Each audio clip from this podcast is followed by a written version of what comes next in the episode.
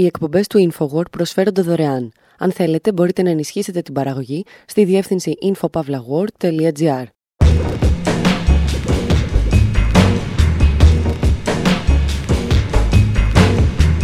Όπου σήμερα αναρωτιόμαστε αν είναι καλύτερα να είσαι κομικός στις Ηνωμένες Πολιτείες ή στην Ευρώπη. Και για να το διαπιστώσουμε, κάνουμε το τεστ του John Oliver.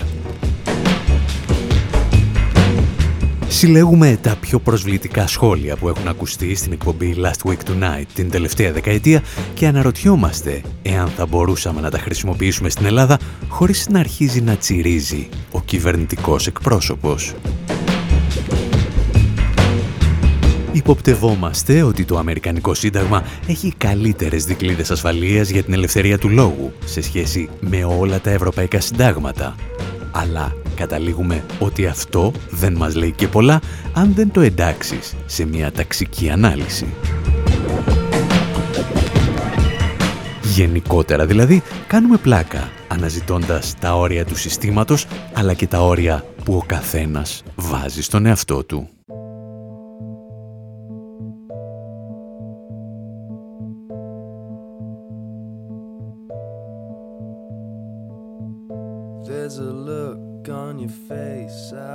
Like to knock out. See the sin in your grin and the shape of your mouth. All I want is to see you in terrible pain. Though we won't ever meet, I remember your name. Can't believe you were once just like anyone else. Then you grew and became like the devil himself. Pray to God, I think of a nice thing to say, but I don't think I can. So fuck you anyway. You a scum, you a scum, and I hope that you know that the cracks in your smile are beginning to show. Now the world needs to see that it's time you should go. There's no light in your eyes, and your brain is too slow. Can't believe you were once just like anyone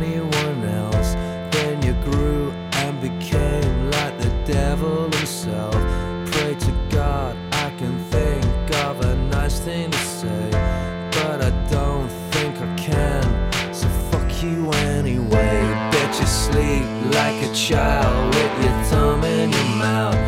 I could creep up your side, put a gun in your mouth. Makes me sick when I hear all the shit that you say. So much crap coming out, it must take you all day. There's a space kept in hell with your name on the seat. With a spike in the chair just to make it complete. Yourself, do you see what I see? If you do, why the fuck are you looking at me?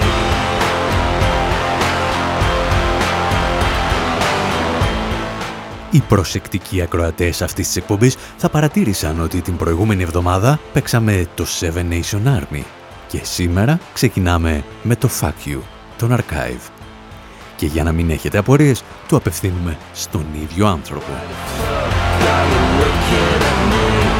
Την περασμένη εβδομάδα, σύσσωμος ο προπαγανδιστικός μηχανισμός της κυβέρνησης Μητσοτάκη, συμπεριλαμβανομένου του κυβερνητικού εκπροσώπου, αποφάσισε να επιτεθεί στον τσολιά της ελληνοφρένειας για ένα αστείο που έκανε στο φεστιβάλ Sputnik.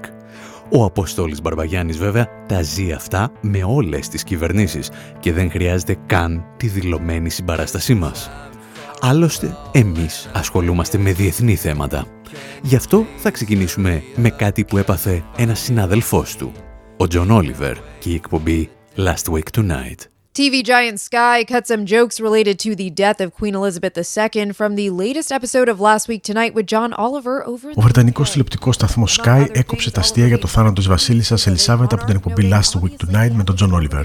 Ο Oliver αστιεύτηκε λέγοντας ότι η Βρετανία θρενεί για το θάνατο μιας 96χρονης γυναίκας από φυσικά αίτια. Ο Oliver πρόσθεσε ότι ο θάνατος της βασίλισσας δεν ήταν το μόνο τραυματικό γεγονός για τη Βρετανία, καθώς την ίδια εβδομάδα η Liz Truss ανέλαβε πρωθυπουργός της χώρας και επικεφαλής του συντηρητικού κόμματος. Minister and Conservative Party chief. Το βρετανικό δίκτυο Sky, λοιπόν, λογοκρίνε μια αμερικανική χιουμοριστική σειρά για ένα μετριοπαθέστατο αστείο για τη Βασίλισσα. Και την ίδια ώρα η Βρετανική αστυνομία ήταν στους δρόμους για να συλλαμβάνει όσους διαμαρτύρονταν ενάντια στη μοναρχία.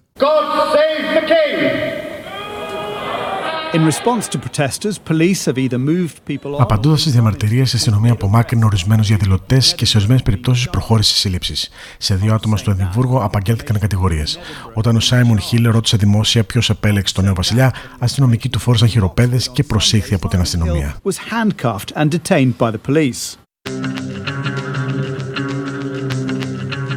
Η αντίδραση του Βρετανικού κράτους σε όσους είχαν διαφορετική γνώμη για το θεσμό της μοναρχίας είναι η κορυφή στο παγόβουνο μιας βαθιάς αυταρχικής τροφής που παρατηρείται σε όλη την Ευρώπη. Το πρώτο θύμα είναι πάντα η ελευθερία του λόγου. Και το ερώτημα είναι μήπως φτάσαμε στο σημείο όπου οι Ηνωμένες Πολιτείες θα αρχίσουν να φαντάζουν σαν φάρος ελευθερίας μπροστά στη γυραιά Ήπειρο; Για να απαντήσουμε θα κάνουμε, όπως είπαμε, το τεστ του Oliver Jones. Θα προσπαθήσουμε να διαπιστώσουμε εάν τα αστεία του θα γίνονταν ανεκτά στην Ευρώπη και ιδιαίτερα στην Ελλάδα. Και θα ξεκινήσουμε με κάτι δυνατό. Το σχόλιο που είχε κάνει για τον Βρετανό Πρωθυπουργό David Cameron το 2005. Ήταν η εποχή που αποκαλύφθηκε το λεγόμενο Pig Gate. Ακούστηκε δηλαδή ότι στα φοιτητικά του χρόνια, προκειμένου να γίνει μέλος μιας πανεπιστημιακής λέσχης, ο Κάμερον είχε κάνει κάτι ελαφρώς περίεργο. David Cameron, noted alleged swine fellatio enthusiast. David Cameron, Prime Minister of the UK. Ο David Cameron είναι γνωστός λάτρης της πεολυχίας από χείρους. Ο David Cameron είναι ο πρωθυπουργός της Μεγάλης Βρετανίας, ο οποίος κάποτε έβαλε το πέος του στο στόμα ενός νεκρού γουρουνιού. Να το διατυπώσω διαφορετικά. Τον David Cameron τον πήρε στο στόμα του και ύστερα έκανε σεξ μαζί του ένα ρολό με χοιρινό. Το προτιμάτε έτσι ή να το πούμε διαφορετικά. Λοιπόν, ο David Cameron δέχτηκε απρόθυμα πεολειχία από το 1 τρίτο ενός σάντουιτς με ζαμπόν και τυρί. Σας αρέσει;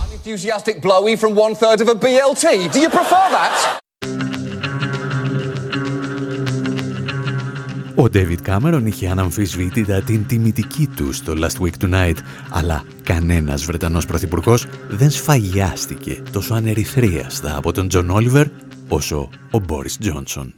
Boris Johnson, a grown man who looks like a problem child at a daycare center. Ο Μπόρις Τζόνσον, ένας ενήλικας ο οποίος μοιάζει με προβληματικό παιδί σε παιδικό σταθμό, είναι πλέον υπουργός εξωτερικών της Βρετανίας. Ο Μπόρις Τζόνσον φημίζεται για τη λανθασμένη κρίση του. Δεν ήταν απλώ ότι ζητούσε να βγούμε από την Ευρωπαϊκή Ένωση. Ο άνθρωπος είναι το καλύτερο επιχείρημα ότι πρέπει να βγαίνεις και σε άλλες περιπτώσεις. Τραβηχτείτε τώρα, δεν θέλουμε να γεννηθεί κατά λάθος άλλος ένας Μπόρις. Θα ήταν φρικιαστικό.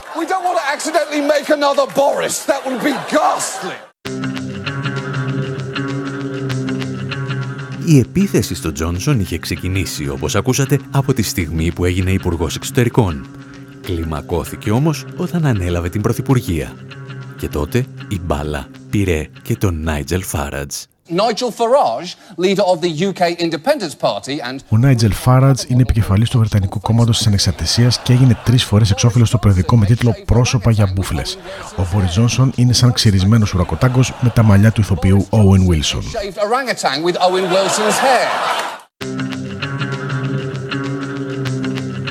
Ο Τζον Όλιβερ είναι Βρετανός κομικός που κάνει τηλεοπτική εκπομπή σε αμερικανικό δίκτυο. Οπότε τα συγκεκριμένα αποσπάσματα ίσως δεν μας βοηθούν και τόσο να καταλάβουμε σε ποιον απευθύνεται και κυρίως ποιος θα έπρεπε να τον λογοκρίνει.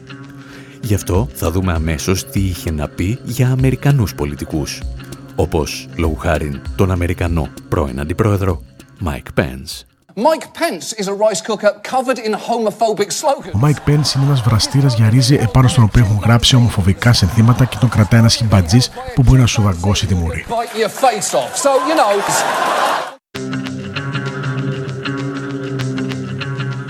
Ο Μάικ Πενς έγινε αντιπρόεδρος των ΗΠΑ γιατί η Χίλαρη Κλίντον ηττήθηκε από τον Ντόναλτ Τραμπ. Αν είχε κερδίσει η Κλίντον, αντιπρόεδρος θα ήταν ο Τιμ Κέιν. Tim Kaine, a human sweater vest. He's, Ο Τιμ Κέιν είναι σαν πλεκτή καζάκα. Είναι σαν αυτές οι φωτογραφίες που βάζουν σαν δείγμα μέσα σε ένα κάδρο όταν το αγοράσεις. Ο τύπος είναι βαρετός σαν μια λευκή κάλτσα που τη σηκώνεις μέχρι το γόνατο. Είναι σαν να σου φέρουν ένα ξινό πράσινο μήλο για επιδόρπιο. Σαν να κάνεις ιεραποστολικό χωρίς να έχεις βγάλει τα ρούχα σου.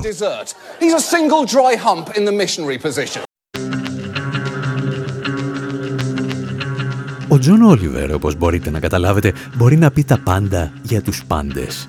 Και ο ίδιος εξηγούσε ότι στις Ηνωμένες Πολιτείες μπορούσε να το κάνει ακόμη και επί προεδρίας Ντόναλτ Τραμπ. Ο ίδιος μάλιστα έκανε ένα ποτπουρί από όλους τους χαρακτηρισμούς που του είχε αποδώσει στο πέρασμα των χρόνων. Και εγώ έχω την τιμή να κάνω τη μετάφραση. And our press is at least currently free enough that I can routinely do this. Donald Trump τα μέσα ενημέρωσης είναι ακόμη αρκετά ελεύθερα, ώστε να μπορώ να πω τα εξής. Ο Ντόναλτ Τραμπ είναι η πλουσιότερη αιμορροίδα της Αμερικής. Είναι μια πυρκαγιά που περπατάει και μιλάει. Είναι οικαιόμενη Ρώμη σε μορφή ανθρώπου. Ο Ντόναλτ Τραμπ είναι ένα κουστούμι που δεν σου κάθεται καλά γιατί είναι γεμάτο με κότες. Είναι ένα ζαχαρωτό πανηγυριού με συναισθήματα. Μια ρατσιστική κούκλα βουντού φτιαγμένη από πεταμένες τρίχες γάτας. Είναι ένας κλόουν φτιαγμένος από το μουμιοποιημένο πετσάκι που καλύπτει τη βάλανο του πέους μαζί με μαλλί της γριάς. Είναι ένα ανάποδο ζαχαρωτό καλαμπόκι με περούκα φτιαγμένη από χρησιμοποιημένη ιατρική γάζα. Είναι μια διάφανη πλαστική τσάντα γεμάτη τσίσμπεργκερ και αγκράφες με τη σημαία της Συνομοσπονδίας. Ο Ντόναλτ Τραμπ είναι μια παλιά βαλίτσα καλυμμένη με επεξεργασμένη σάλτσα τυριού. Είναι ένα νεφρό πεταμένο στο πάτωμα ενός κουρίου. Ναι, έχω πει πολλά άσχημα πράγματα για αυτόν και προς τιμήν του ο Τραμπ δεν έχει βάλει να με δολοφονήσουν. Τουλάχιστον όχι ακόμη, γιατί πάντα υπάρχει αρκετός χρόνος.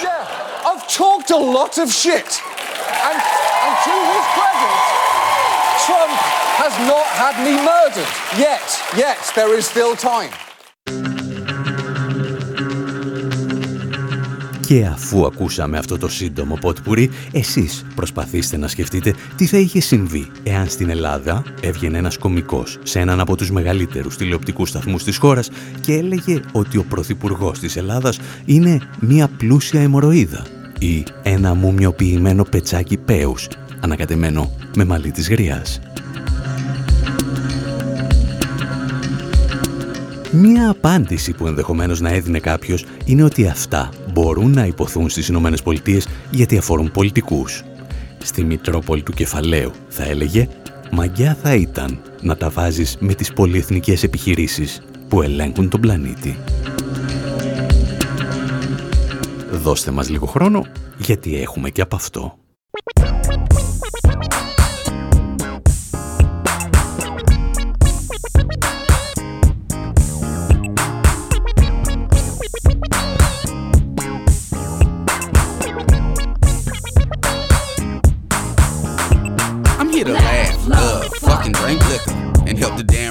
Revolution come quicker. Laugh, love, fucking drink liquor, and help make a revolution. I'm here to laugh, love, fucking drink liquor, and help the damn revolution come quicker. Laugh, love, fucking drink liquor, and maybe make a revolution. Now the thing finna end in fisticuffs, but if you got to, go ahead, twist it up. Let your job finna make you piss and cuss. Make you have to hustle rent with your pistols up. Now if Uncle Sam Bama's in his murder gang, we gon' rise out the ash like that bird of flame. Hoping you take action from the word I bring. But if the police ask, you never heard my name. Five years old, eyelids half mask. Bedtime is 8 p.m., it's half past. Try to take me to bed, I make the mad dash. Scared in my sleep, I miss what had passed. Quarter century later, I'm still not sleeping. If I'm not involved, I feel I ain't breathing. If I can't change the world, I ain't leaving, baby. That's the same reason you should call me to see it. Laugh, love, uh, fucking drink liquor, and help the damn revolution come quicker. Laugh, uh, love, fucking drink liquor, and help make a revolution. I'm here to laugh, love, uh, fucking drink liquor, and help the damn revolution come quicker. Laugh, love, fucking drink liquor,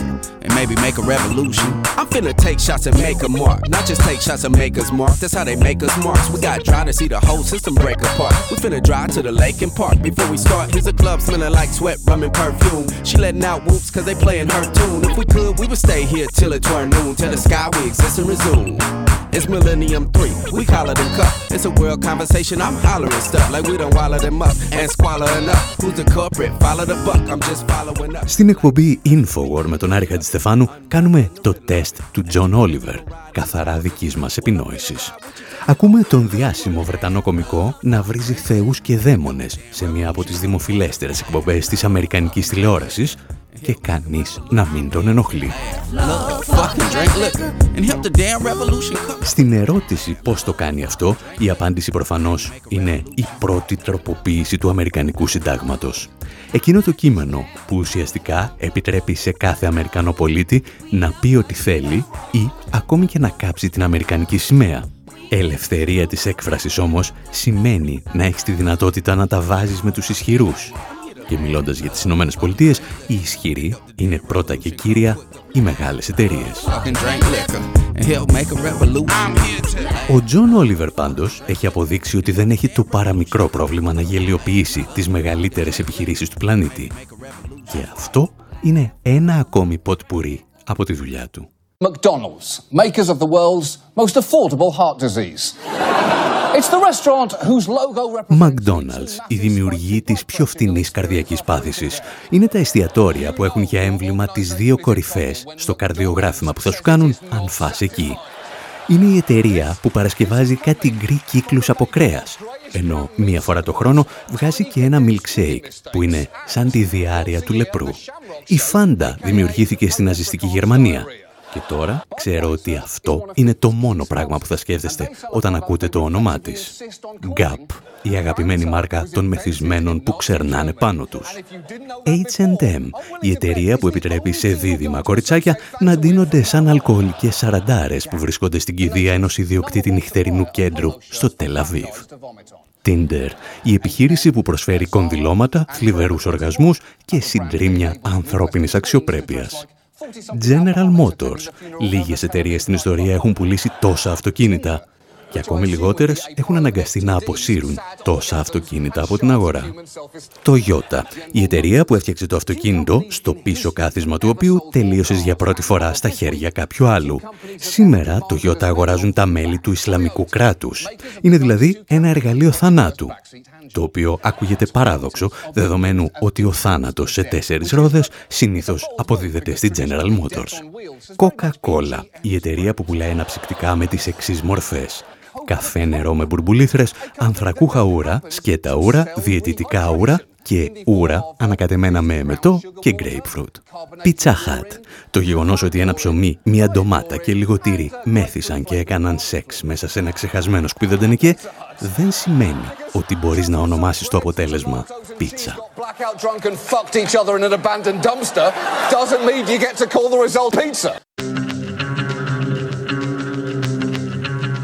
Σε περίπτωση πάλι που εσείς έχετε ακόμη αμφιβολίες για το ότι οι Αμερικανοί κομικοί μπορούν να πουν πράγματα που θεωρούνται αδιανόητα στην Ελλάδα, να σας θυμίσουμε ότι τα σκληρότερα σχόλια εναντίον εταιριών που έχει κάνει ο Τζον Όλιβερ αφορούσαν εταιρείες που είχαν μετοχές στο σταθμό που εργαζόταν, όπως ο γίγαντας των τηλεπικοινωνιών AT&T. Ιστορίες για να θυμόμαστε πόσο πίσω από τις Ηνωμένες Πολιτείες βρίσκεται η ελευθερία του λόγου στην Ελλάδα, αλλά πλέον και σε ολόκληρη την Ευρώπη. Περισσότερα όμως για αυτό το θέμα και μια βαθύτερη και ελαφρώς ταξική ανάλυση για την πρώτη τροποποίηση του Αμερικανικού Συντάγματος και τη σχέση του με τα Ευρωπαϊκά Συντάγματα μπορείτε να διαβάσετε στη σελίδα μας στην Εφημερίδα των Συντακτών. Εμείς κάνουμε ένα μικρό διάλειμμα και επιστρέφουμε με διαφορετικές ιστορίες.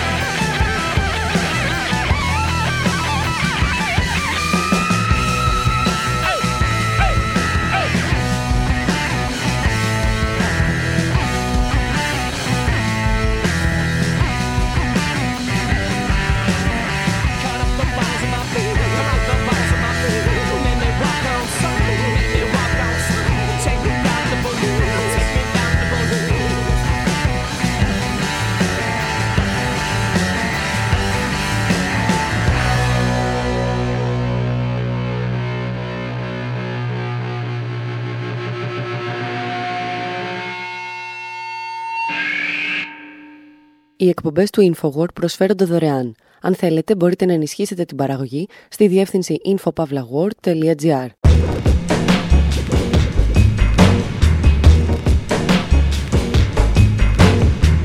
Εκπομπή InfoWord, μέρος δεύτερο.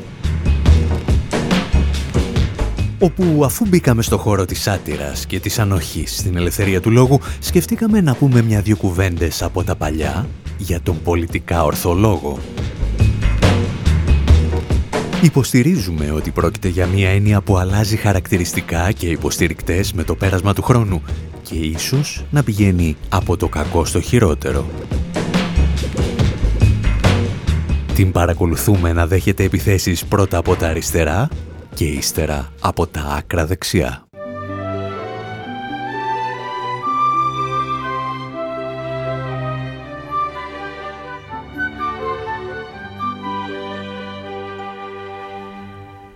Never be rude to an Arab, an Israeli or Saudi or Jew.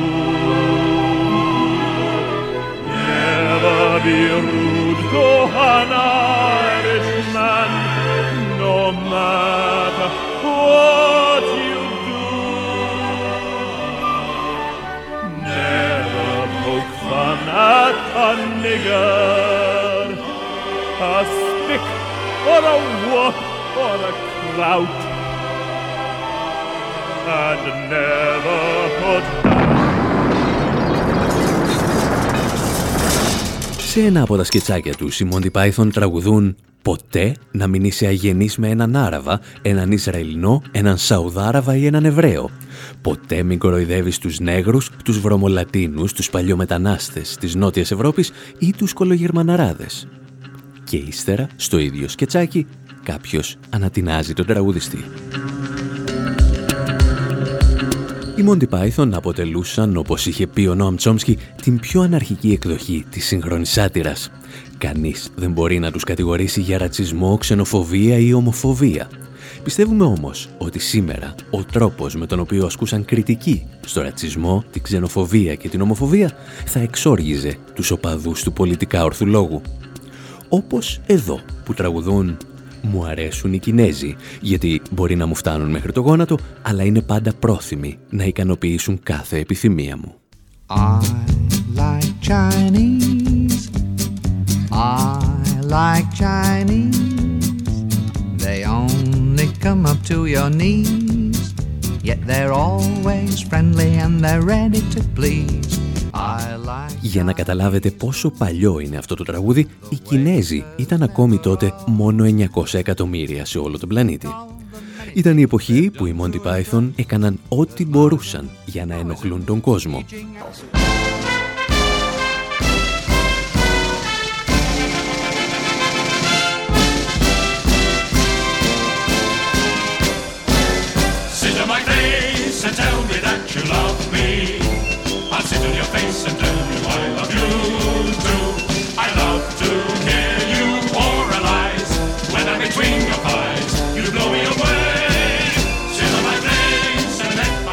Πολύ πιο πρόσφατα ο Τζον Κλίζ που ακούμε εδώ κλήθηκε να καταθέσει την άποψή του για τον πολιτικά ορθό λόγο και είπε κουβέντες σαν τις παρακάτω. I'm offended every day. For example, the British newspapers every day offend me with their laziness. Με προσβάλλουν καθημερινά. Με προσβάλλουν, ας πούμε, οι βρετανικές εφημερίδες με την τεμπελιά τους και την κακία τους. Δεν θέλω όμως να απαγορεύσει κάποιος την κυκλοφορία τους. Θέλω απλώς να μπορώ να τις κατακρίνω. Μερικές φορές, όταν κάποιος αισθάνεται προσβεβλημένος, βγαίνει και λέει Σταμάτα ό,τι κάνεις γιατί με προσβάλλει. Όπως έλεγε όμως και ένας παλιός πρόεδρος του BBC, υπάρχουν κάποιοι άνθρωποι τους οποίους πρέπει να προσβάλλουμε.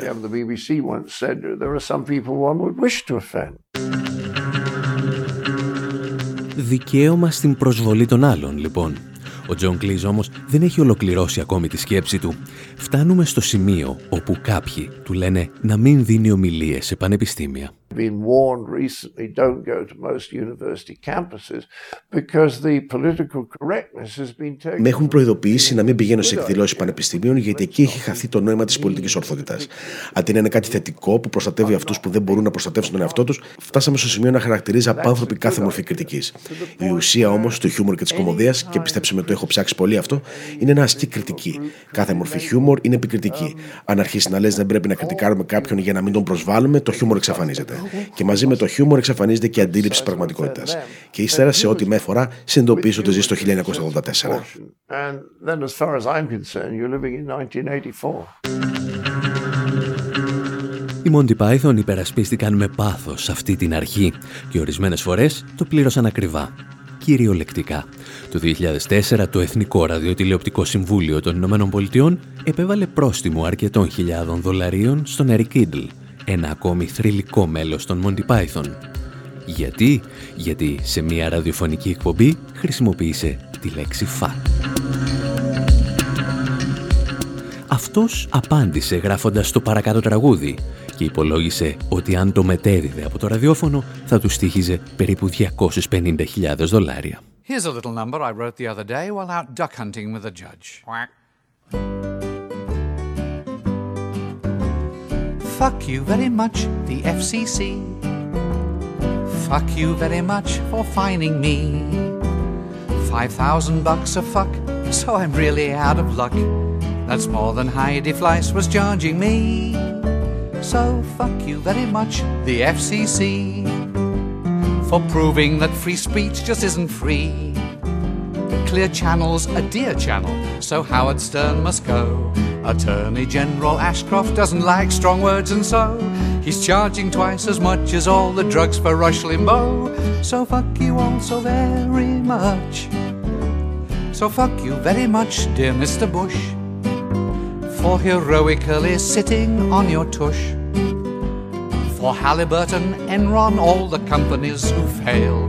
Let's send them a clear signal and stick Martha straight in jail. She's an uppity rich bitch, and at least she isn't male. So fuck you all so very much. So fuck you, dickhead Mr. Cheney, too. Fuck you and fuck everything you do. Your pacemaker must be a fake, you haven't got a heart. As far as I'm concerned, you're just a pasty faced old fart. And as for Condoleezza, she's an intellectual tart. So fuck you all so very much. Ο Eric Idle ξεκινά από την προσωπική του υπόθεση και κηρύσσει πόλεμο στον πρόεδρο Μπούς και όλο το επιτελείο του για τους πολέμους που ξεκίνησαν και την καταστροφή του περιβάλλοντος. When I can't fill my Hummer. Ίσως γιατί του φαίνεται σημαντικότερο ζήτημα το να σκοτώνεις χιλιάδες ανθρώπους από το να πεις μια κακή κουβέντα στο ραδιόφωνο. Οι Monty Python λοιπόν, όπως και οι δημιουργοί του South Park, απεχθάνονταν τον πολιτικά ορθολόγο. Το πρόβλημά μας όμως παραμένει. Πώς γίνεται το ίδιο ακριβώς πρόβλημα να έχουν και οι Αμερικανοί νεοναζιστές, ο ακροδεξιός Νάιτζελ Φάραντ στη Βρετανία ή ο αντιπρόεδρος της Νέας Δημοκρατίας στην Ελλάδα, κύριος Άδωνης Γεωργιάδης; Γιατί όλοι αυτοί συμφωνούν ότι πρόκειται για μια μορφή περιορισμού της ελευθερίας της έκφρασης ή ακόμη και απολυταρχισμού; Για να απαντήσουμε θα πρέπει να παρακολουθήσουμε την ιστορία του όρου πολιτική ορθότητα.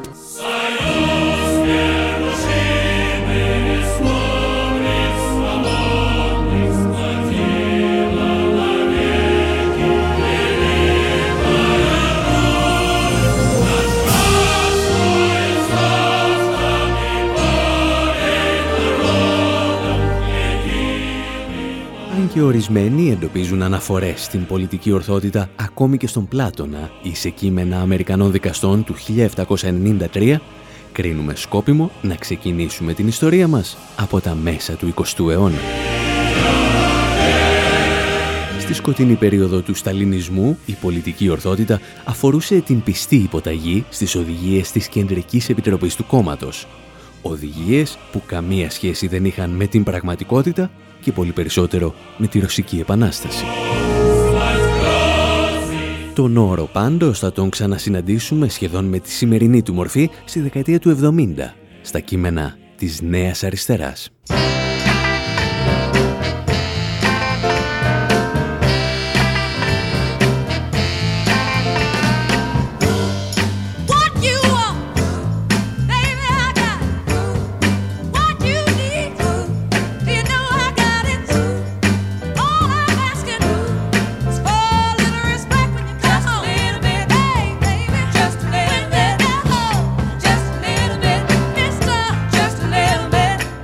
Καθώς το κίνημα των μαύρων αλλά και το κίνημα των ΛΟΑΤ διεκδικούν τον σεβασμό που δικαιούνται, οι λέξεις έχουν σημασία γιατί αντικατοπτρίζουν μια κοινωνική πραγματικότητα, μια κοινωνική επανάσταση. Ήδη βέβαια από τη δεκαετία του 70 η πολιτική ορθότητα αποκτά και ηρωνική σημασία. Το φεμινιστικό κίνημα την χρησιμοποιεί για να αυτοσαρκάσει τη δική του υπερορθοδοξία και τις ακρότητες ορισμένων μελών του. Και ύστερα έρχεται ο νεοφιλελευθερισμός της δεκαετίας του 80. Κάποιοι επιχειρούν να μας πείσουν ότι δεν αλλάζει η κοινωνική πραγματικότητα τη γλώσσα, αλλά η γλώσσα μπορεί να επηρεάσει την κοινωνική πραγματικότητα. Σημασία, λένε, δεν έχουν οι συλλογικές δράσεις, αλλά οι ατομικές. Εάν εσύ αλλάξεις τον εαυτό σου, όλα τα προβλήματα της κοινωνίας θα λυθούν ως διαμαγείας. Η φιλελεύθερη Αμερική πιστεύει πλέον ότι αν σταματήσεις να αποκαλείς έναν μαύρο νέγρο θα βελτιωθούν οι όροι διαβίωσης στα γκέτο αν σταματήσεις να λες καθυστερημένο ένα φτωχό παιδί με προβλήματα νοητικής ανάπτυξης, θα αυξηθούν τα κονδύλια για τις δομές ψυχικής υγείας. Και αν τέλος τα πρεζόνια γίνουν τοξικό εξαρτημένα άτομα, οι αιτίες που οδηγούν στη χρήση ναρκωτικών θα εξαφανιστούν. Και κάπου εκεί ξεκινά ένας παραλογισμός που θα έκανε τον Κάφκα να μας κοιτάζει με δέος και φόβο Ας αφήσουμε όμως και πάλι το South Park να μας εξηγήσει τι ακριβώς έχει συμβεί.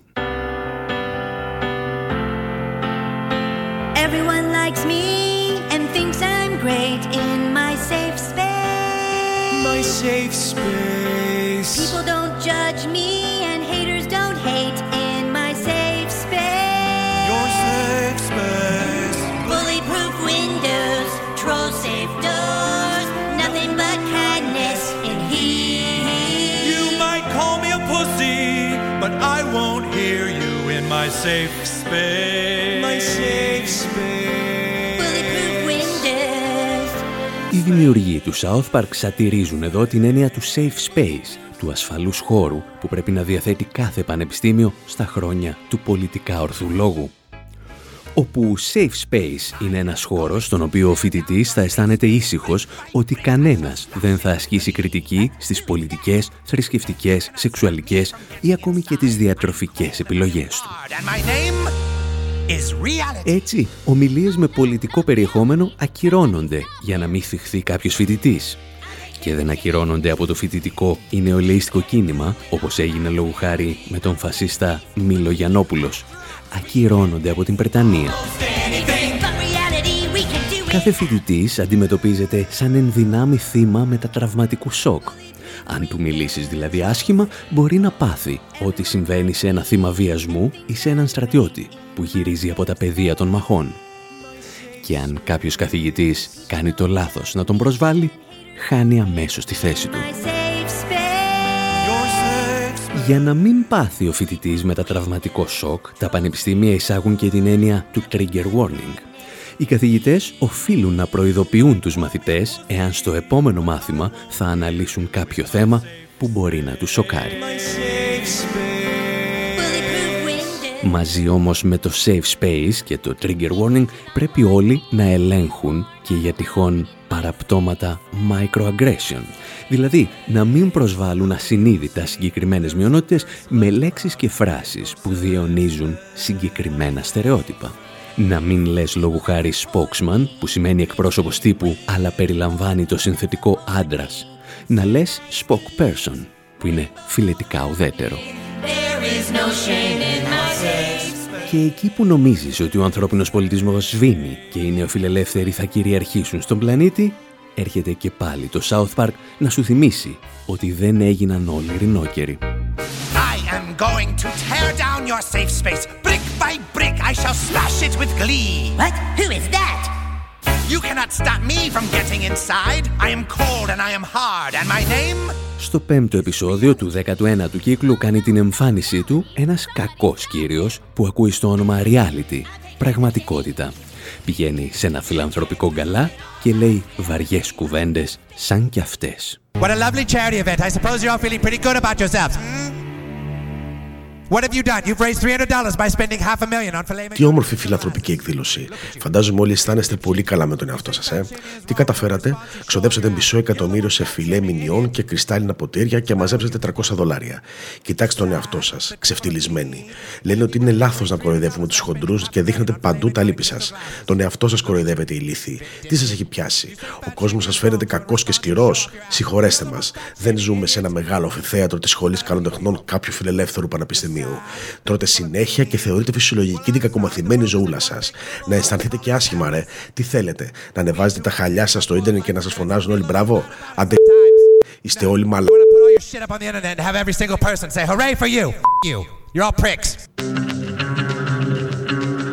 Έχουμε φτάσει σε εκείνη τη στιγμή όπου ο πολιτικά ορθός λόγος φτάνει σε σημεία παροξισμού και έρχεται τότε μία εξίσου άρρωστη αντίδραση φιλοναζιστικά και ακροδεξιά στοιχεία που στηρίζουν τον πρόεδρο Τραμπ βγαίνουν στην πρώτη γραμμή για να χτυπήσουν την πολιτική ορθότητα. Το ίδιο κάνει ο Νάιτζελ Φάρατ στη Μεγάλη Βρετανία, ενώ στην Ελλάδα ακούμε συχνά τον Άδωνη Γεωργιάδη, αντιπρόεδρο της Νέας Δημοκρατίας, να τα βάζει με τον πολιτικά ορθολόγο.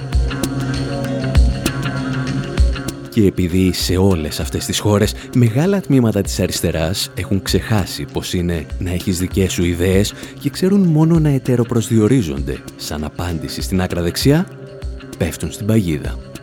Αντί να καταδικάσουν τον πολιτικά ορθό λόγο σαν ένα δημιούργημα του νεοφιλελευθερισμού, τον ασπάζονται, όπως κάνουν και οι Πριτάνοι των Βρετανικών και Αμερικανικών πανεπιστημίων. Το 2015 όμως συμβαίνει και κάτι άλλο. Δημιουργείται στις Ηνωμένες Πολιτείες ένα ισχυρό φοιτητικό κίνημα με πολιτικά αιτήματα. Μεταξύ άλλων ζητούν μείωση των διδάκτρων, αυξήσεις στους μισθούς των διδασκόντων, αποδέσμευση της έρευνας από την πολεμική βιομηχανία και ενίσχυση των οικονομικά ασθενέστερων φοιτητών. Και πολλά άλλα. Κανένα από αυτά τα αιτήματα δεν φτάνουν στα μέσα ενημέρωσης. Τα μόνα αιτήματα που ακούγονται είναι όσα αφορούν την μάχη απέναντι στα στερεότυπα. Μια μάχη δίκαιη και αναγκαία, η οποία όμως αγνοεί τις κοινωνικές και οικονομικές συνθήκες που δημιουργούν το πρόβλημα.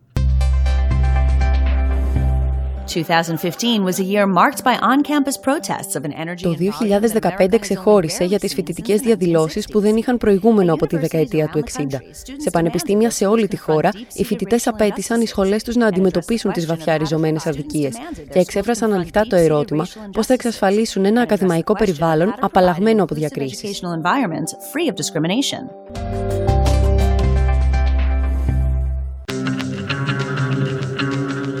Μήπως όλα αυτά σας θυμίζουν και κάτι άλλο; Είναι ο τρόπος με τον οποίο οι φιλελεύθεροι στις Ηνωμένες Πολιτείες παρέδωσαν την εξουσία στον Ντόναλτ Τραμπ, προκειμένου να μην γίνει πρόεδρος ο Σάντερς.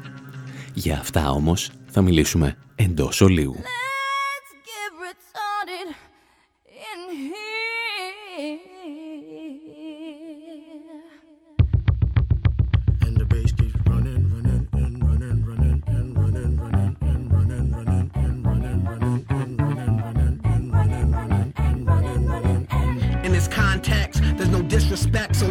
My rhyme, you break your necks. We got five minutes for us to disconnect from all intellect and let the rhythm affect us to lose our inhibition. Follow your intuition, free your inner soul and break away from tradition. Cause when we be out, girl, it's pulling we out. You wouldn't believe how we wow shit out. We burn it till it's burned out, turn it till it's turned out. Act up from northwest, east side. Everybody, everybody, let's get into it. Get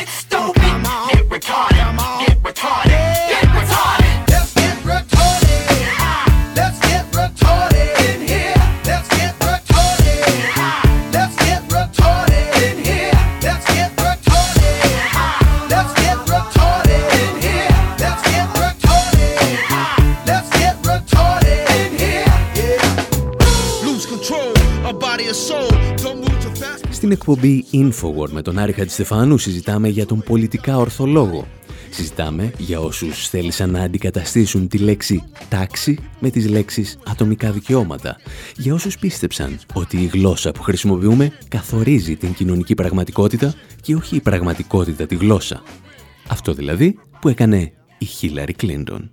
Equality is, of course, about passing laws, but it also is changing hearts. Φυσικά η ισότητα έχει να κάνει με την εφαρμογή νόμων, αλλά έχει να κάνει και με την αλλαγή στον τρόπο σκέψης. Είναι ανάγκη να χτίσουμε μια Αμερική όπου κανένας δεν θα ανησυχεί ότι θα παντρευτεί το Σάββατο και θα απολυθεί τη Δευτέρα. Όπου τα παιδιά δεν πέφτουν θύματα bullying μόνο και μόνο για αυτό που είναι. Και όπου ο κάθε Αμερικανός έχει την ευκαιρία να ζήσει με τις δυνατότητες που του χάρισε ο Θεός, ανεξάρτητα από το ποιος είναι ή ποιον αγαπάει. No matter who they are or who they love.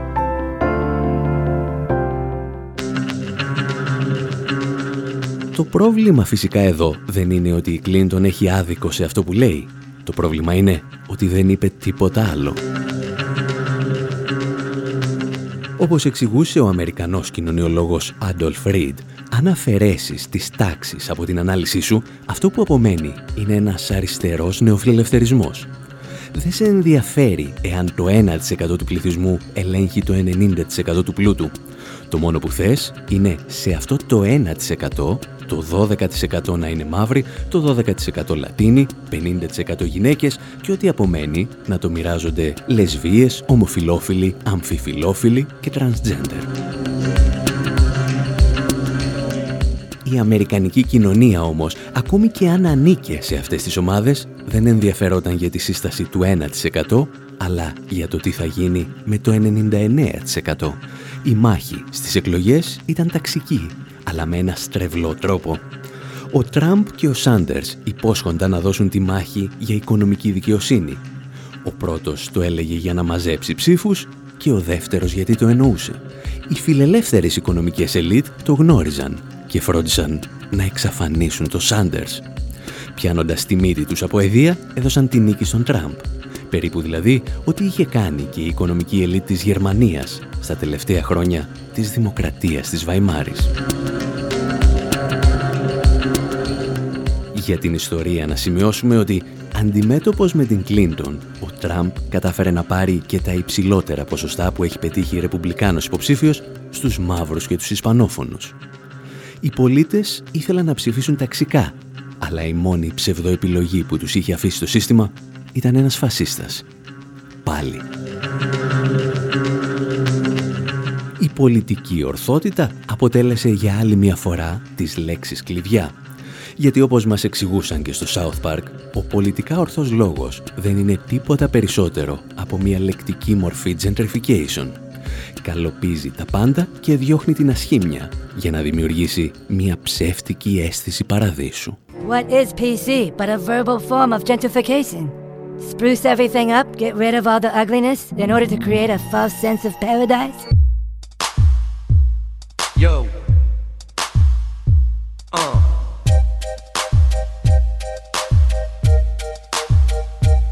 Κάπου εδώ όμως, εμείς θα σας αφήσουμε.